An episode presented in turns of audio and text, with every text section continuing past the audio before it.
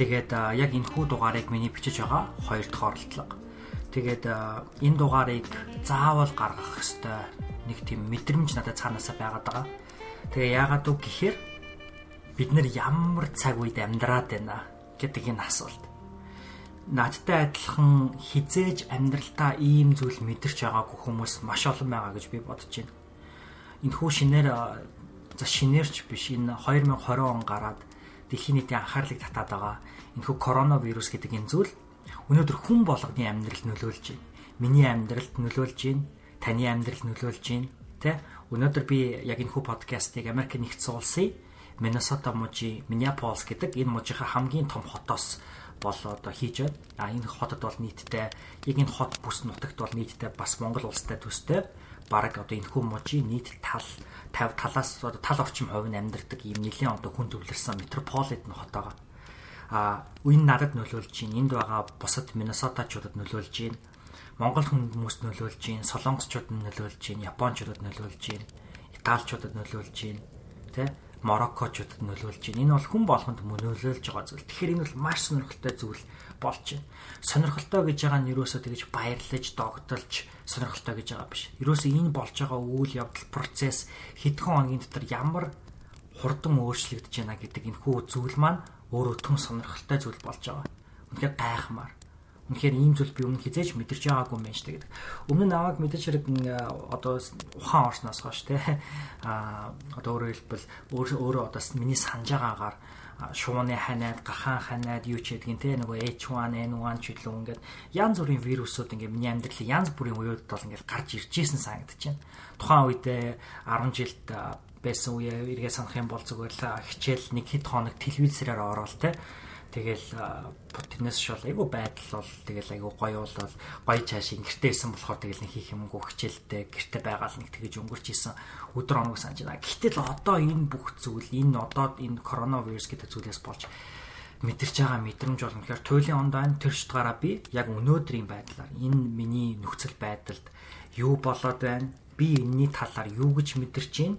Тэгээд би одоо энэ цаг үед юу н цаашдаа яаж амьдарч амьдрий гэж бодож ийн гэдгээл та бүхэнтэй хуваалцахыг хүссэн юм а. Тэгэхээр ам өнөөдрийн байдлаар өчигдөр би энэ подкастыг би уржигдөр хамгийн эхлээд бичих гэж үзсэн. Яг тэр үед харж байхад бол дэлхийн нийтээр илэрсэн нийт одоо кейсүүдийн тоо бол 300 мянга давцсан байсан тий.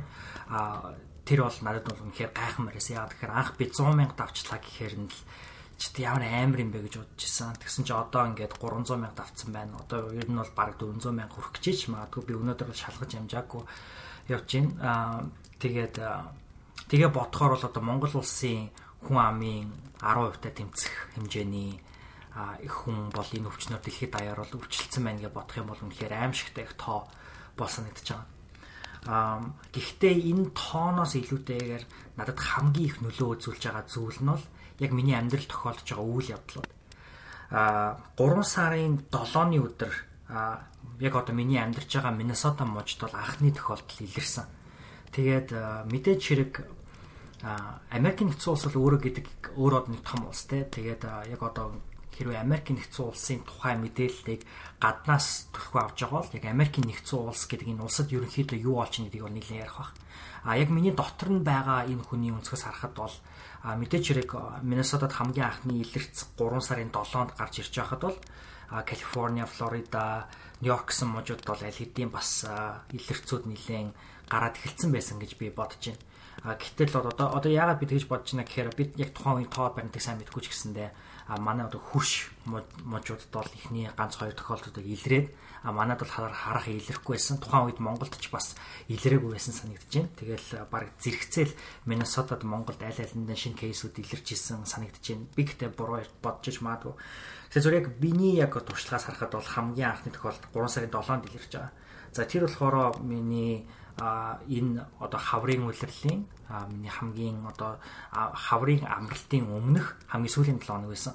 А тэгээд 3 сарын 11-нд буюу 3 сарын 11-ний 3 дахь өдөр лав гараг миний spring breaking хаврын амралтын одоо 7 хоног өрнөжсэн. Тэгээд яг тэр 3 дахь өдөр би ажлын зорилгоор нэг офис дээр очисон. За энэ ямар офис гэхээр би яг одоогийн байдлаар Америк нэгдсэн улсын Миннесота мужийн конгрессийн сонгуул нэр дэвшиж байгаа. Хуульч бүсгүн компанид ажлын менежер хийж байгаа байхгүй. Тэгээд манай одоо нэр дэвшигч бүсгүй би тэгээд одоо яг энэ хүү компанид ажлын зөвлөх буюу одоо campaign advisor гэдэг одоо энэ гурван хүн бид гурав одоо манай нэр дэвшигчийн маань офис дээр очиж уулзах юм яриа хийж байгаа. Тэгээд яагаад уулзж ин гэхээр яг одоо мужи мужийн хэмжээний сонгуул бол 3 сарын 21-ний өдөр тохиогч хийсэн. Одоо мужийн яг арчлан намынхаа сонгуул.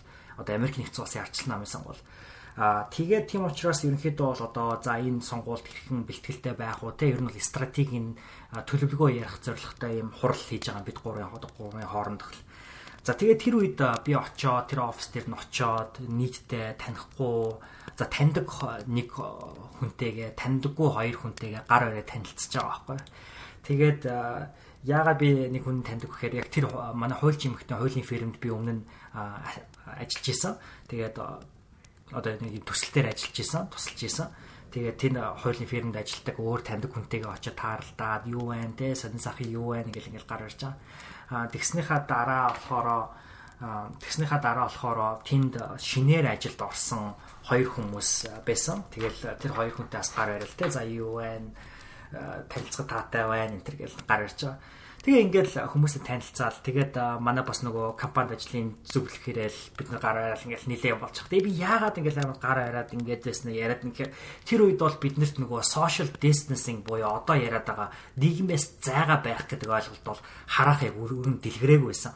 Ерөөсө тийм үг хэрэг тийм үг би ер нь 3 сарын 7-ны өдөр бол мэддэгчгүй байсан.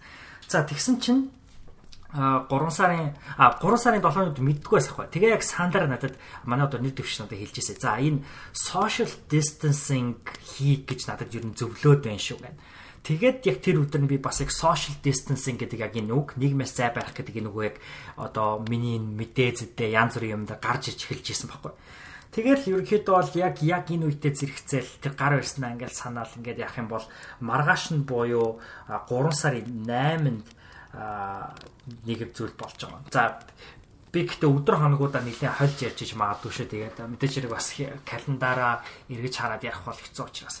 Гэтэ ямар ч хэсэ яг тэр хурлын маргааш өдөр нь тэр нь 3 сарын 12 байсан байна. 3 сарын 7-нд анхны хүн илэрсэн 3 сарын 11-нд би нөгөө уулзалтаа хийж байгаа. Тэгээ 3 сарын 12-нд пүрүү гарагт нэг мэдээл гарч байгаа. Тэр нь яасан гэсэн чинь өглөөсөө мессеж шалгасан чинь манай компанид ажлын хүмүүс хоорондоо ингэж байгаа. Арчилсан нам одоо энэ мужийн арчилсан нам сонгуула онлайн байдлаар хийх боллоо гэдэг тоххой. Тэгээ одоо яах вэ гэд ингээд тийм яриа болж байгаа. Тэгсэн чинь манай нэг төвч яас гэсэн чинь а нэрэ Рубигийн дүүн юу яатсан а дүүн ингээд коронавирусээр өвчлөсөн байгаа гэж хэлж байгаа байхгүй. Тэгээ би бүр тухайн үедээ бас нөгөө яг коронавирус гэж яг юу юм те? Яг хөө мэдээж хэрэг мэдээдсэн ч гэсэндээ нөгөө ясандаа тултал мэдрээгүй. За нөгөө илэрлэг одоо шинж тэмдгүүд нь юу вүлээ хүн дээр өвчлөл. За ямар ч гэсэн настай хүмүүс нас ороод байгаа юм байна. Тийм ээ дархлаа муу учраас тэгвэл залуу хүмүүст ямар нөлөө байгаа илэг энэ дээр ямар ч ойлголт байхгүй. Тэгэл нэг эхлээд тэрийг сонсчвал нэг тоохгүй байжсэн баг багаар жоохон процессыг эхэлсэн чи ер нь жоохон айгаал эхэлж шүү. Юу аа гэж бодогдол те. Гар барьцсан штэ. За тэр октоор дамжаагүй ч гэсэндээ тэнд шинээр танилцсан хоёр өөр хүнтэй гар барьсан. Тэгэл янз бүрийн юм бодогдол тэр офис нь бол тэгэл мэдээж хэрэг маш их юм одоо surface-ууд илүү ангам чинь тэрэн дээр нь байж магадгүй гэж бодогдол. Тэгэл тэгэл эхэлж байгаа.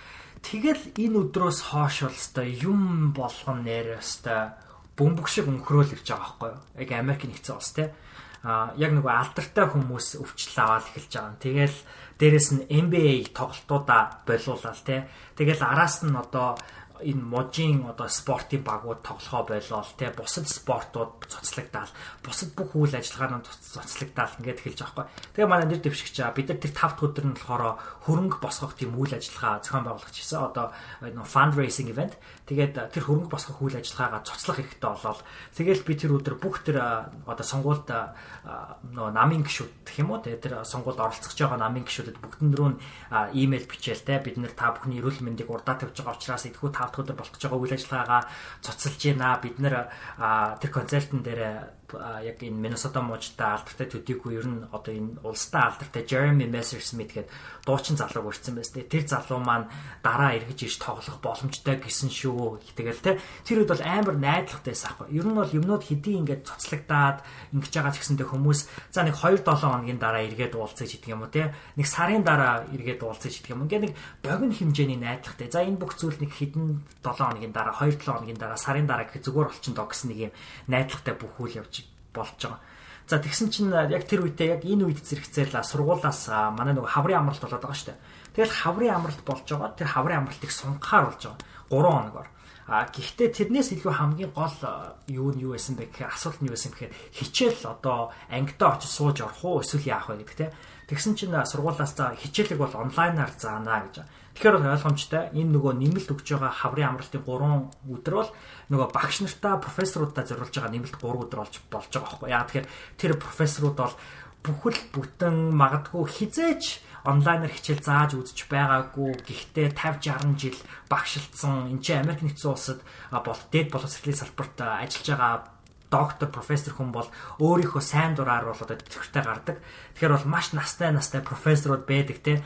Тэгээд ингээд бодох юм бол тэр хүмүүс яаж одоо онлайн хичээлээ заах уу гэдэг бол өөрөө том асуудал болоод хувирч байгаа. Тэгэхээр энэ багш нар бол маш одоо хурдцтай энэ орчин үеийн энэ шаардлага нөхцөл байд одоо хамааруулж онлайн хичээл заах шаардлагатай болж байгаа. За тэгээд онлайн хичээлийг 4 сарын 1 хүртэл хийнэ гэдэг жаа байхгүй. Тэгээд хичээл ороод 3 дахь өдөр нь хичээл ороод аа тэр өдрөө яг хичээл орсон өдрөө гэсэн чинь за за энэ үлдсэн семестртээ бүх хичээл онлайнаар болно гэж хэлж байгаа юм. За тэгэл энэ үедээ зэрэгцэл Америк нэгдсэн улсын юм том том мужуудад мужуудаас ахуулаад эргийн мужуудаас ахуулаад ихтэй сургуулиуд нь оюутнуудаа хөөгөл эхэлсэн те оюутны байрнаасаа гар гээл тэгэл ингээл хүмүүс ингээл амар их тийм тодорхой бус байдал амьдралд нь бий болж эхэлж байгаа байхгүй. Тэгэл тун удахгүй манай мужид бол нөгөө peace time emergency буюу инх тунх бай одоо цаг үеийн өндөржүүлсэн бэлэн байдал ер нь бол зарлцж байгаа. Тэгээд одоо одоо жишээ нэг Монголд бол өндөржүүлсэн бэлэн байдлын байдалтай байгаа гэж би ойлгож байгаа. Тэрнтэй адилхан одоо ийм өндөржүүлсэн бэлэн байдал зарлж байгаа. Энийг яг хаа жоохон сүртэй хэлээд peacetime emergency буюу амар амгалан үеийн онцгой нөхцөл байдал ч гэдэг юм уу. Тэгээ шуурхай нөхцөл байдал гэж орч одоо хэлээд байгаа юм л да манай мужид А тэгээд энэгээрээ яасан гэсэн чинь манай одоо энэ хотоос хот ингээл өөрөө чинь нөгөө тусдаа бидаас хот те municipality гэдэг тэгээд энэ одоо өөрөө тусдаа бидаас хот учраас бас тусдаа ингээл хотын хэмжээний өндөржүүлсэн бэлэн байдал зарлал энэ ч байдаг бүх ресторанууд хаагдал, кофе шопууд хаагдал, үзэр үйлчлэгээний байгууллагууд хаагдал. Тэгэл боддоо Америк нэгдсэн улсын яг энэхүү Minnesota мужид Mall of America буюу энэ Америк улсын хамгийн том үзэр үйлчлэгээ худалдааны төв байдаг хгүй. Тэгээд Mall of America-г 3 4 сар хүртэл хаалаа гэл ингээл бас юмнууд болол ингээ маш их зүйлүүд болж байгаа. За ингээл яг нөгөө яг одоо өнөөдөр яг миний те Монгол улсын иргэн Хишиг батын цогт бэлгүүндэр гэдэг хүний амьдралд нөлөөлөд эхэлж байгаа. Тэгээ миний эргэн тойронд байгаа бүх хүмүүсийн амьдрал нөлөөлөд эхэлж байгаа. Миний нохооны амьдрал төрөлд нөлөөлж байгаа байхгүй тий.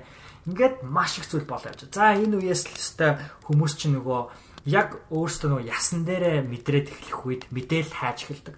А гэтэл гэтэл мэдээлэл гэдэг бол өөрөө маш чухал зүйл. А За энийг би яагаад хэлж байна гэхээр одоо миний сая би түүхийг та бүхэнд хуваалцж байгаа энэ хөө зүйлийг дүгнээд хэлэх юм бол би өөрийгөө азтайд тооцож болохоор байгаа байхгүй. За ямар ч байсан арчлан намаас энэ мужийн Америк нэгдсэн улсын Миннесота мужийн арчлан намаас маш их мэдээлэл ирж байна те. Онлайнаар сонгуулаа хийхээр боллоо гэд. За ингээд нэг зүйл тодорхой болчлоо. А за за тэгвэл сургууль яах вэ гэл ингээд нэг тодорхой бос байсан зүйл маань за онлайнаар хийхээр болчлоо гэл. За ингээд л тэгээд ингэж байгаа. За тэгээ өдөр болгон өдөр болгон би оройны 5 цаг 7 цагаас бол яг энэ сургуулийн ерөнхийлөгчөөс те Миннесотагийн их сургуулийн ерөнхийлөгчийн одоо офисоос орой болгон захиа хүлээж авч байгаа имэйлэр за нөхцөл байдал Миннесота мужид ийм байна, дэлхийд даяар ийм байна те та бүхний төлөө бид нар ийм ийм ийм арга хэмжээнүүдийг авч гин. Та бүхэн эргээгээд бас ийм ийм арга хэмжээг аваарай ч гэл ингээл өдөр болгон биднийг маш их мэдээлэлээр хангаж байгаа байхгүй. Энэ утгаараа яагаад ингэж их мэдээлэл биднийг хангаад байна вэ гэхээр мэдээлэл гэдэг бол өөрөө бүр хамгийн үнцэнтэй зүйл болж яг энэ үед хувирж байна. Одоо энэ цаг үед бол магадгүй яг энэ 21-р зуунд яг энэ 2000 21-р зуун эхэлснээс хойш хамгийн их биднэрт мэдээлэл хэрэгтэй байгаа 90 үед яг за 90 үеийн цааш яг цаг үе миний бодлорыг одоо юм шиг санагдаж байгаа юм. Яагаад үг гэхээр бодоод үзтээ өнөөдөр дэлхийд даяар маш их тоонууд байгаагаас гадна а дэлхийд даяар нийтдээ 40000 монголчууд Монгол руугаа буцъя гэдэг хүсэлтийг гаргасан байна гэж байна те. За энэ 40000 хүний 2000 хүн нь бүгд найрамд Солонгос улсад байна гэж байна. За бүгд за тэгвэл энэ 2000 хүнийг хэдүүлээ дотор нь хараад үзье л да. Бүр ингээд томруулдаг шилээр хідэн одоо оюутнууд байгаа бол гэж нэг бодъё. Оюутан гэдэг нэг хэсэг бүлэг хүмүүс байна. За хідэн яг одоо Америк одоо Солонгос улсад ингээд хууль ёсоор ажилладаг те цагаачилдаг, бизнес визтэй ч гэдэг юм уу ямар нэгэн ажил хуулийн дагуу эрхэлж байгаа хүмүүс байна тэгээ янз бүрийн төсөлтөөр ажиллаж байгаа хүмүүс байна. За эсвэл төрийн байгууллагаас дамжаад магадгүй янз бүрийн төсөлтөөр ажиллаж байгаа ч юм уу ийм хүмүүс байна. Тэ зүгээр одоо засгийн газрын агентлагуудын ажилтнууд тэнцээ ажиллаж болно гэдэг. Ингээд нэг хэсэг бүлэг хүмүүс солонгос дахиад нэг бүлэг хүмүүс байна. За тэгвэл бидний сайн мэдхээр бид нар бүгд найрам солонгос улс руу яагаад маш ихээр аялахаар аялын виз аваад очиод юу хийдэг вэ гэхээр маш их хүмүүс очиж хараар ажиллах гэж одоо хэлдэг тийм. Өөрөөр хэлбэл аял гэж очисон визээр очиод хэрвээ ажиллаж байгаа бол энэ бол өөрөө хууль зөрчөөд цагаачлалын бус визээр цагаачлалын бус визээр одоо ажиллаж байна гэдэг чинь ерөөхдөө бол одоо ингээд баг одоо хууль бус цагаачлагч болоод хувирчж байгаа шүү дээ. Тэгэхээр хууль бус цагаачлагч хэсэг бүлэг монголчууд маань тэнд байна. Тэгэхээр энэ одоо хүмүүстэй биднэрт байгаа хэмжээний мэдээлэл тэр хүмүүст очиход хэцүү байхгүй. За одоо солонгос нөхцөл байдал сая ямар амар өрнөсөн бэлээ те. Аа маш гинт ерөөсөө солонгос улстай нөгөө та бүхэн 2012 или 13 оны flu гэдэг солонгосчууд өөрсдийнх нь хийсэн кино үзчихсэн баг. Тэр шиг л зүйл баг болж байгаа шүү дээ. Өдөрт амар олон зуун хүмүүс өвчлөөл гинт хэдэн мянган ингээл хүмүүсийн кейсүүд илрээл ингэсэн. За тэгэхээр бол солонгос мэдээж хэрэг маш одоо том том арга хэмжээнийг аваад эхэлж байгаа. Тэгвэл нөгөө хүмүүс чинь нөгөө монголчууд маань мэдээлэлээс тусгаарлагдчихна гэрт гэрээсээ гарч чадахгүй годомжинд гарч чадахгүй байгаа ч юм уу тий янз бүрийн байдлаар ингээд их чөлөө нэг хязгаарлагдаад эхлэхээр магадгүй мэдээлэл авдаг их сурвалж найзуудаасаа байж болно шүү дээ. Өнөөдөр тэнд ерөөсө хэл мэдэхгүй Монгол залуу байдаг гэж бодъё. Тэ? Зүгээр очиод ажил хийгээд мөнгө цуглуулад эргээгээд сургалтынхаа төлбөрийг төлөх гэжсэн Монгол оюутан залуу тэнд очиод ажиллаж исэн байлаа гэж тий. Гэтэл солонгос хэлгүй, англи хэлгүй, ямар нэгэн гадаад хэлгүй байвал тэнд магадгүй таньдаг монголоороо Монголоос мэдээлэл авдаг те таньдаг монгол найзаасаа дамжуулж мэдээлэл авдаг хамаатны ховноос мэдээлэл авдаг ийм байсан байлаа гэж бодоход одоо ингээд хаашаач хөдөлж чадахгүй маш хүчтэй хэцүү нөхцөл байдалд орчоор юу болоод байгааг мэдхэд амар хэцүү шттэ. Тэгэхээр өнөөдрийн одоо миний хувьд энэ подкастыг сонсож байгаа таны хувьд юу байна гэхээр маш их мэдээлэл байна. Тийм учраас би та бүхэндээ нэг зүйлийг маш ихээр уриалахыг хүсэж чинь тэр нь хайртай хүмүүс рүүгээ магадгүй залхах хэрэгтэй. Таны мэдж байгаагаар тийм их мэдээлэлтэй биш байх магадaltaй хүмүүс рүү ялангуяа бүр prioritize хийгээ тэр хүмүүсийг нэг тавиад тэр хүмүүс рүү залгаад ядаж юу болж ин сэтгэл одоо энэ байдал ямар вэ те өнөөдөр бол Монгол улсад бол 10 одоо илэрц олцсон байгаа гэж би бодож байна энэ цар юу гэлээ цар гэж нэрлэдэг байгаа юм билэ цар цар тархалт гэлөө те Тэгээд энэ одоо пандемиагаас болж Монголд бол 10 илэрц байна. За тэгвэл Америкт өнөөдөр л гэхэд нэг өдөр дотор 8000 хүн одоо энэ өвчнөөр илэрсэн байна. За одоо манай мужаас эргээд очих юм бол саяхан 3 сарын 7-нд эхний хүн илэрч исэн бол өнөөдөр 3 сарын 23 гэхэд те чи одоо юу вэ? Хэдхэн хоногийн дотор юу ячиж байгаа байхгүй энэ тоо бол 200 гараа явцсан байгаа. Тэгээд эхний нэг байна уу хоёр хүн нас орсон байгаа. Маш маш харамсалтай. Тэгээ ингээд бодох юм бол Америк нэгдсэн улсад хүн нөхцөл байдал мэдээж хүнд байгаа. Италид өдөрт хүмүүс 600 700-аараа саяхан 2 хоног дараалж өгсөн нас олцгаасан маш харамсалтай. За Италид бүр ингээд айр Италид бүр бүр ингээд үнэхээр онц байдал зарлаад айрмынхын цэргүүд орж ирээд хотыг хянаж байгаа тийм үү. Тэгэхээр бол тийм өндөр нөхцөл байдалд бол орсон байгаа. За ингээд бодох юм бол танд одоо байгаа бидэрт байгаа монголчууд энэ подкастыг маш их хүмүүс Монголд байгаа монголчууд мас сонсож байгаа учраас та бүхэнд бол маш их хэрэгчлөө тодорхой хэмжээнд яг одоо байна. Энэ үеийг ашиглаарай. Мэдээлэлгүй байгаа хүмүүсрээ холбогдож мэдээлэл өгөөрэй гэж би үнэхээр хүсэж байна. За энэ яг энэ подкастыг би яг энэ санааг ерөнхийд бол яг энэ дугаараар дамжуулж гаргахыг би хамгийн ихээр хүссэн. Тэгээд би уржиг дээр яг энэ подкастыг бичиж байхдаа а яг энийг ингээ яах гэхээр юусаа сайн гараа ярьж өгөхгүй байсан. Тэгээ би өчигдөр подкастын хамтран хөтлөгч таймнатайгаа яриад яг өөрийнхөө гарах гэдэг санааг хэлсэн чи таймна надад нэг зүйл хуваалцахгүй. Таймна маань өөрөө оюутлага компани оюутлага компани ажилладаг залуу мэрэгчлээ. А тэгээд өөрийнх нь ажилтдаг одоо баг хамт олонд бол дандаа нэг гадаад хүмүүс байдаг. Австрали хүн, Кен хүн байдаг гэж хэлсэн бах. Кениагаас ирсэн те. Хятадаас ирсэн хүн байдаг гэж хэлсэн бах. За тийм мэдээж хэрэг одоо оюут толгоор Ятинто гэдэг бол өөрөө Канада, Австрали, Америк янз бүрийн улс орнуудаас хүмүүс ирж ажилладаг олон улсын төслөө. Тэнд бол ерөөсөө Монголын магадгүй хамгийн олон улсын бүс нутаг бараг тэнд ажиллаж байгаа гэж ойлгоод. Тэгээд тэнцээ таймнагийн багийн нэг хүн таймнад юу гэжсэн гэсэн чинь та бүхэн хэрвээ одоо зөвхөн coronavirus update гэд хаах юм бол нөгөө вебсайтууд ингээд мэдээлэл гаргаад байгаа дээ. За энэ улсад тэдэх хүн байна, тэдэх хүн өвчлсөн байна, тэдэх хүн нас орсон байна гэдэг. За тэр дундор л ёстой нөгөө тоо юу хөдлөө тоонд өсөж зөхөж явж ийн гэдэг шиг баахан улс орнууд донд нэг нэг одоо ганц хоёр шиг ч юм уу хэд он юм харахад 4 5 байсан 4 5 ийм cruise ship-уудын нэрнүүд бол бичээс байгаа. Одоо Team Queen ч гэдэг юм уу, ийм Crown ч гэдэг юм уу. Тэгээ энэ болохоор нөгөө далаа дээр аялж байгаа хүмүүс байгаа тий. Тэгээ энэ хүмүүс одоо нэг тэр том маш том тийм хүлэг онгоцсон дээр чинь хэдэн зуун хүн байгаа. Магадгүй хэдэн мянган хүн байгаа гэж би байна. Тэгээ тэр хүмүүсийн тоог ингээд яг улс орны хэмжээнд зэрэгцүүлээд бичсэн тий. Тэгээд Тайнагийн тэр хамт ажилладаг багийн гишүүр нэг түүх ярьсан чинь өөрийнхөө таньдаг хүн нэг л үү тэр шипэн дээр байсан лээ. Тэгээд тэр хүн юу гэж хэлсэн гэхээр бүх зүйл маш зүгээр байсан те а хоол унд бол байсан бид нар бол нөгөө хүлэг онгоцсон дотроо хүн болгон чинь зочд буудлын өрөө шиг нэг жижигхэн жижигхэн жижигхэн өрөөнөө дотор байгаа. За тэр өрөөндөө хүмүүсийг бүгднийг карантинлагдаад хоол ундыг нь зөөж өгөөд бид нар бол өрөөндөө зүгээр ингээд үлсэхгүй цаахгүй тэ ингээд юмар тутахгүй бол ингээд байж исэн ингээд. А гэхдээ тэр хүмүүс юугаар хамгийн их тутсан бэ гэхээр мэдээлэлээр тутсан тэ. Та нар бодоод үзтээ хөлгөө онгоцон дээр суугаад дэлхийгээр аялна гэдэг бол хідэн сар үргэлжилдэг зүйл тийм үү хөлөг онгоцоор нэг зүгээс нөгөө зүг рүү нэг цэгээс нөгөө цэг рүү очиход бол хідэн өдөр шаардлагатай байдаг. За тэгэл хідэн өдөр аялж аялж байгаа дараагийнхаа нэг цэг дээр нэг destination дээр ирсэн чинь за уучлаарай бид нар энд энэ одоо улс руу тий энэ арал руу бид нар бууж чадахгүй юм байна чадахгүй болчлоо гэдэг юм. За тэгж байгаа. За ингээд явж исэн чинь магадгүй хөлөө усан усан онгоцсон маань ингээд хөлөө онгоцсон маань далаа дээр явж исэн чинь мэдээлэл ирээд тэгээ одоо төв баазаас нь мэдээлэл ирээд бид нэр ийм ийм зогсоолуудаар зогсож чадахгүй боллоо. Бид нар шууд их орнолууга одоо ихэлсэн цэг рүүгээ буцах хэрэгтэй боллоо гэл Флоридагаас хөдөлсөн хөлөг онгоцсон магадгүй тэр тэнд одоо хаан ч идэх те дэлхийн хаанигтай Карибиант явж байгаа буцаагаад Флорида руу хөдлөө явж ивэл тэр хүмүүс ингээ маш их тодорхой бус байдал амьдралд нь үүсч эхэлнэ. Тэгээ юу болоод байгааг юусоо мэдэхгүй те. За тэгээ мэдээч хэрэг мэдээд л бол нэлээд хязгаарлагдсан бол болчихж байгаа. Би яг тийм хөлөг онгоцсон дээр одоо интернетийн сүлжээ янз бүрийн зүйлийн хангалт одоо хэр эдгийг бол сайн мэдэхгүй байна. Хэрвээ тэр одоо Wi-Fi юм уу TN-ууд амар муу байдаг бол те интернетийн холболт муу байдаг бол магадгүй тэр хүмүүс бүр үнэхээр ямар ч мэдээлэлгүй байсан. Зөвхөн нөгөө онгоцонд нисэж хахад онгоцон дотор бол бид нар хэний мэдээлэл төр найддаг вэ гэхээр captain буюу онгоцны ахмадын мэдээлэл төр найддаг штэ. А түүнтэй адилхан тэр хөлөг онгоцсон дээр байгаа бүх хүмүүс бол тэр нэг ахмадын үгэн дээр найдаж байгаа.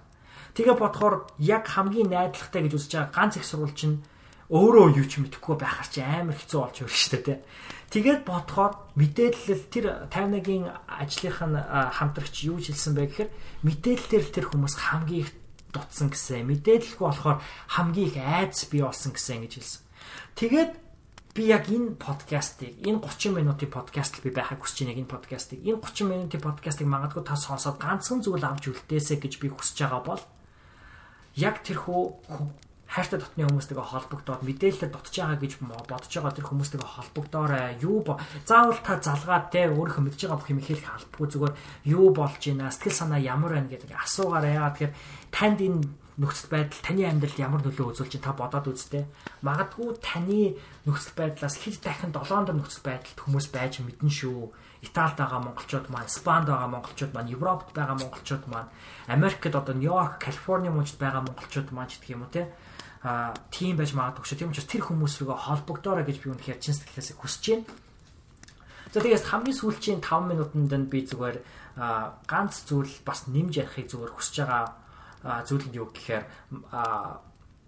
энэ нөхцөл байдлыг хэдүүлээ хамтдаа Сэхэтэн гэр бүлийнхаа хамтдаа боломж гэж харъя. Энэ бол асуудал гэхээс илүү боломж гэж харъя гэж би хүсэж байна. энэ подкастн дээр хамгийн их ярддаг зүйлүүдийн маань нэг магадгүй хамгийн чухал ярддаг зүйл маань цаашдаа илүү яхахыг хүсэж байгаа зүйл маань бид нар амьдралтаа илүү системүүдийг бий болгох хэрэгтэй гэж.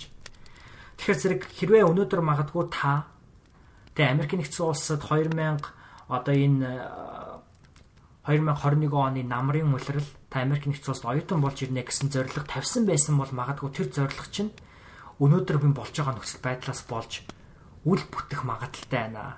Энийг та ерөөсө контрол хийж чадахгүй. Энийг танд удирдах ямар ч боломж бол байхгүй. А гэхдээ танд бусад өөр маш олон боломжууд байна.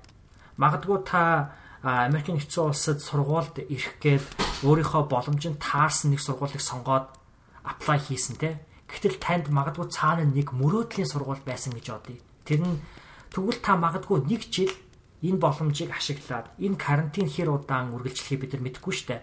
Зарим хүмүүс бол маш олон одоо мэрэгчлүүдийн харж байгаагаар бол вакцин бий болохын тулд дор хаяж 12 сар шаардлагатай гэж байгаа. Тэгэхээр 12-оос 18 сар гэх юм бол бараг 1 жил 1 жил хагасын дараа нөхцөл байдал магадгүй орон өөрчлөгдөх бах тий. Ингээд бодох юм бол бид нэр магадгүй их сургуульд бүртгүүлчээд дахиад нэг жил Монголдо байхаар үлдсэн бол юу хийх вэ? Gap year тий Томоочин академи бол одоо gap year 2-гийн хөтөлбөрийг зарласан байгаа. Тэгээд энэ gap year гэдэг хөтөлбөрийг жил болгон зарладаг тий зарладаг болж байгаа. Тэгэхээр бол одоо энэ хөтөлбөрийг энэ хөтөлбөрийг магадгүй та нэг хэсэг нь олж олно. Эсвэл та өөрөө гэрийнхаа одоо хүрээнд тий өөрөө өөрийгөө бэлдээд хүмүүсээс зөвлөгөө аваад gap year-ыг та өөрөө удирдах системийг амьдралдаа бий болгож болно. Тэгэхээр зорилго тань магадгүй 2021 оны 9 сар 2020 оны 9 сард та Америк нэгдсэн улсад оюутан болж ирнэ гэдэг зорилго тавьсан байсан бол магадгүй тэр зорилготой нь биелэхгүй байх магадaltaй болж байгаа шиг байна. Тэгэхээр үнтэй адилхан маш олон жишээ нь хүмүүсийн амьдрал байгаа. Тэр хүмүүс бол гэхдээ энийг битгий хизээч шантрах зэг гэж бити хараарай. Энийг боломж гэж хараарай. Тэгэд энэ бүх одоо боломж гэж харах энэ нөхцөл байдал өнөөдөр таны өдөр тутмын амьдралаас эхэлнэ шүү Скетэн подкаст бол амьдралын хэм маягийн подкаст. Энэ бол амьдралын түүхийн подкаст. Бид нар бол түүх үгэлхийг хүсэж байгаа. А манай подкаст магадгүй Монголын бусад подкастуудаас ялгардаг нэг зүйл нь зөвхөн одоо Монголд хамгийн олон сонсолттой ярилцлагын подкаст гэхээс илүүтэйгээр хамгийн их биднийг ялгаруулдаг зүйл нь бид нар бүх зүйлийн тухай ярилцдаг тийм үү. Тэгэхээр зэрэг танд өнөөдөр амьдралын хэм маяг дээр чи ямар өөрчлөлтүүд та амьдралаа хийх хүсэж исэн бэ? Тэрийг өнөөдөр та асуугаад тэгвэл өнөөдөр гэрте байгаа дээрээсээ гэрийнхаа бүх өөрийнхөө амьдралын системийг бий болгоул ямар вэ? Магадгүй та хизээч йога хийж үзэж байгаагүй байж болно заяа. Одоо би одоо энэ одоо энэ болоод байгаа нөхцөл байдлыг хэрхэн боломж болгож өөртөө ашиглаж байгаа нэг жишээ хэлье. А дараа надад нэг програм санал болгоод тэгээ тэр нь болохоор Down Dog Yoga гэдэг энэ аппликейшн байгаа байхгүй. Тэгээд энэ аппликейшн юу вэ гэхээр одоо премиум буюу дээд зэрэглэлийн одоо үн төлбөртэй дээд зэрэглэн шээс төлбөртэй ийм йога аппликейшн. Тэгээд би болохоор нэг йога студид очиж нэг дараагтай хамт очиж дараагийн хичээлдэг йога студид нь очиж 2 3 удаа ингээд яг йога туршиж үзэж исэн. Тэгээд хамгийн анх удаа йога хийж үзэж исэн учраас надад юу бодогдсон бэ гэхээр а жоохон тийм тав тогтоо бол санагдаагүй. Одоо тэнцэж олон хүмүүс байгаа. Би тэгээ маш сунгалт муутай. Тэр хүмүүс шиг тийм сайн сайн хөдөлгөөнүүдийг хийж чадахгүй. Тэгэл хүмүүс намайг шоолох болов энэ хүн ямар гоё хийж байна? Би ерөөсө хийж чадахгүй байна гэл ингээл айгу хэцээд гэсэн. А тэгтэл яг одоо нөгөө карантин болоод одоо яг энд бол карантин болоогүй байна. Гэхдээ хүмүүсийг бол гэртээ байхыг бол одоо санал болгож байгаа. Тэгтэл одоо тийм учраас гэрээсээ угаасаа гарч чадахгүй янз бүрийн фитнес жимууд хаагдсан те энэ нөхцөл байдалд яг одоо энэ download гэдэг аппликейшн хэрэглэх бол надад амар гой санагдсан. Гэрээсээ угаасаа гарч чадахгүй надад өөр сонголт байхгүй. А гэхдээ йога хийх тэр туршлага нь бол өөрөө маш их таалагдсан. Гэхдээ яг нөгөө олон хүмүүсийн дунд байж хийхээр магадгүй жоохон хэцүү те. Багш нь магадгүй айгу хурдан ярьдаг байж болно. Миний мэдхгүй нөгөө байршлуудыг хэлээд байдаг байж болно. Тэгээд тэрийг зааж өгдөггүй ч гэх юм. Эсвэл би угаасаа хүмүүсийн дунд хийж чадахгүй байдаг ч юм уу. Тэгээд энэ өсөл байдалд бол гэртээ йога хийх бол амар ондоо туршлага байсан аахгүй. Тэгээ найз охинтойгоо ингээл хамт хийж байгаа. Тэгэл йога дээр бол мэдээж хэрэг студид хийж байгаа тохиолдолд бол инээлдэж болохгүй те. Тэгвэл бит хоёр хамтдаа хийж байгаа учраас инээлтэл би минийга шоолол ингэж болж байгаа. Тэгээд арай жоохон ондоо мэдрэмж. Гэтэ арай бас те гоё байгаа байхгүй. Тэгээд иймэрхүү байдлаар бол одоо өнөөдөр энэ коронавирусээс болоод маш олон байгууллагууд, маш олон хувь хүмүүс, маш олон хүмүүс үнэхээр сайхан сэтгэлийн үүднээс маш олон зүйлүүдийг бол хийж гин. Тэгээд бид нар юу хийж ийн гэхээр одоо яг энэ жишээнээс харахад бол Download гэдэг аппликейшн бол коронавирусээс болж үнэгүй болсон байна. 4 сарын 1 хүртэл тэрнээс ч магадгүй цаашаа сунгах ч юм уу те. Headspace гэдэг бяцлаглалын аппликейшн бүх эрүүл мэндийн байгууллагын ажилчдад үнэгүй олгож өгч ийн те. Энэ Download гэдэг аппликейшн гэсэн үнэгүй олгож өгч ийн. Affinity гэдэг компани өөрсдийнхөө PC дээрх дизайнерын програмыг 3 сарын турш бүтээлч хүмүүс зориулж үнэгүй олгож өгч ийн гэл Тэгэл ингээл маш олон хүмүүс сайхан сэтгэлийн үйл хөдөлгөөнүүдийг бол хөдөлгөөнүүд бол эхлүүлж гин зайнаас ч гэсэн тий. Тэгээд энэ боломжуудыг та ирж хай. Одоо энэ хүмүүс энэ нөхцөл байдалд бол үнэхээр танд хизээж өмнө олгож байгаагүй боломжуудыг бол олгоноо. Тэгээ өнөөдөр ихтэй сургууль дээр одоо зүгээр хичээлийн одоо хүрээнд л ярих юм бол манай магистри програмын хичээл бол нэлээд уян хатан болж хувирж байгаа байхгүй. За за даалгавруудынхаа due date-ийг хэдэн хоногоор хойшлуулъя тий За энэ даалгавар дээр бид ийм ийм ийм зүйл чартж исэн. Гэтэл одоогийн нөхцөл байдлаас болоод та нар ийм ийм ийм зүйл хийж чадахгүй тийм учраас үүнийгаа хийхгүй ч яж болно гэж байгаа байхгүй зарим хичээлүүдтэй. Тэгэхээр одоо яг үүнтэй адилхан хүмүүс бол энэ үеийг энэ нөхцөл байдлыг бол маш ондоогоор харж байгаа. Тэгээ энэ подкастынхаа эцэст би та бүхэнд нэг зүйл төсөөлүүлэхийг хүсэж байна. Өнөөдөр 2025 он ч юм уу 2023 он магадгүй 2021 он болцсон байна энэ коронавирус бол үнэхээр сулраад магадгүй бид нэр вакциныг бий болгоцсон нөхцөл байдал зүг зүгээр болцсон байна. Дахиж өнөөдөр нэг ч хүн асараагүй. За та өнөөдөр амьдралынхаа ямар үе шат дээр байгаа, ямар настай, хэдэн настайгаас үл хамааран хамгийн хүсэж исэн ажлынхаа ярилцлагад орох гэж байна. Та яг энэ коронавирусээс болж гэртээ карантинлагдсан нэг жилийн хугацааг ашиглаад өөр дээрээ тултал нь ажиллаад та өнөөдөр өөрийнхөө мөрөөдлийн компанид ярилцлага өгөх боломжтой болцсон байна гэж бодъё. За ярилцлагын энэ авч байгаа хүн танаас нэг асуулт асуулаа. Тэр асуулт нь та надад амьдралд тань хизээж урьдчилж харж төлөвлөөгүй нэг зүйл тохиолдоод тэр үед энэ нөхцөл байдалд хэрхэн хандаж байсан түүхээ хуваалцаач гэдэг энэ асуултыг асуулаа гэж дээ. Тэгвэл энэ асуултыг асуухад хүн болгоны толгойд яг энэ 2020 он бодогдоосоо гэж би үнэхээр хүсэж байна. Та энэ нөхцөл байдалд та энэ амьдралтаа хизээж өмнө хинт тохиолж байгааг энэ нөхцөл байдал хэрхэн энийг боломж болгож ашигласан бэ? Мөн та хинд ямар мэдээллийг өгсөн бэ? Та хинд яаж тусалсан бэ? Энэ бүхний хуваалцаарай тэр ярилцлага дээр. Тэг бүгдөөрэнд амжилт хүсье. Скетинг гэр бүлдээ хайртай шүү. Та бүхэн маань бүгдөө эрүүл агаарай. Та бүхэн маань энэ бүхнийг холоор тойроод гарна гэвч бол би үнэхээр их итгэлтэй байна. Ад жаргал сайн сайн бүгд өгсөе. Баярлалаа баяртай. Thank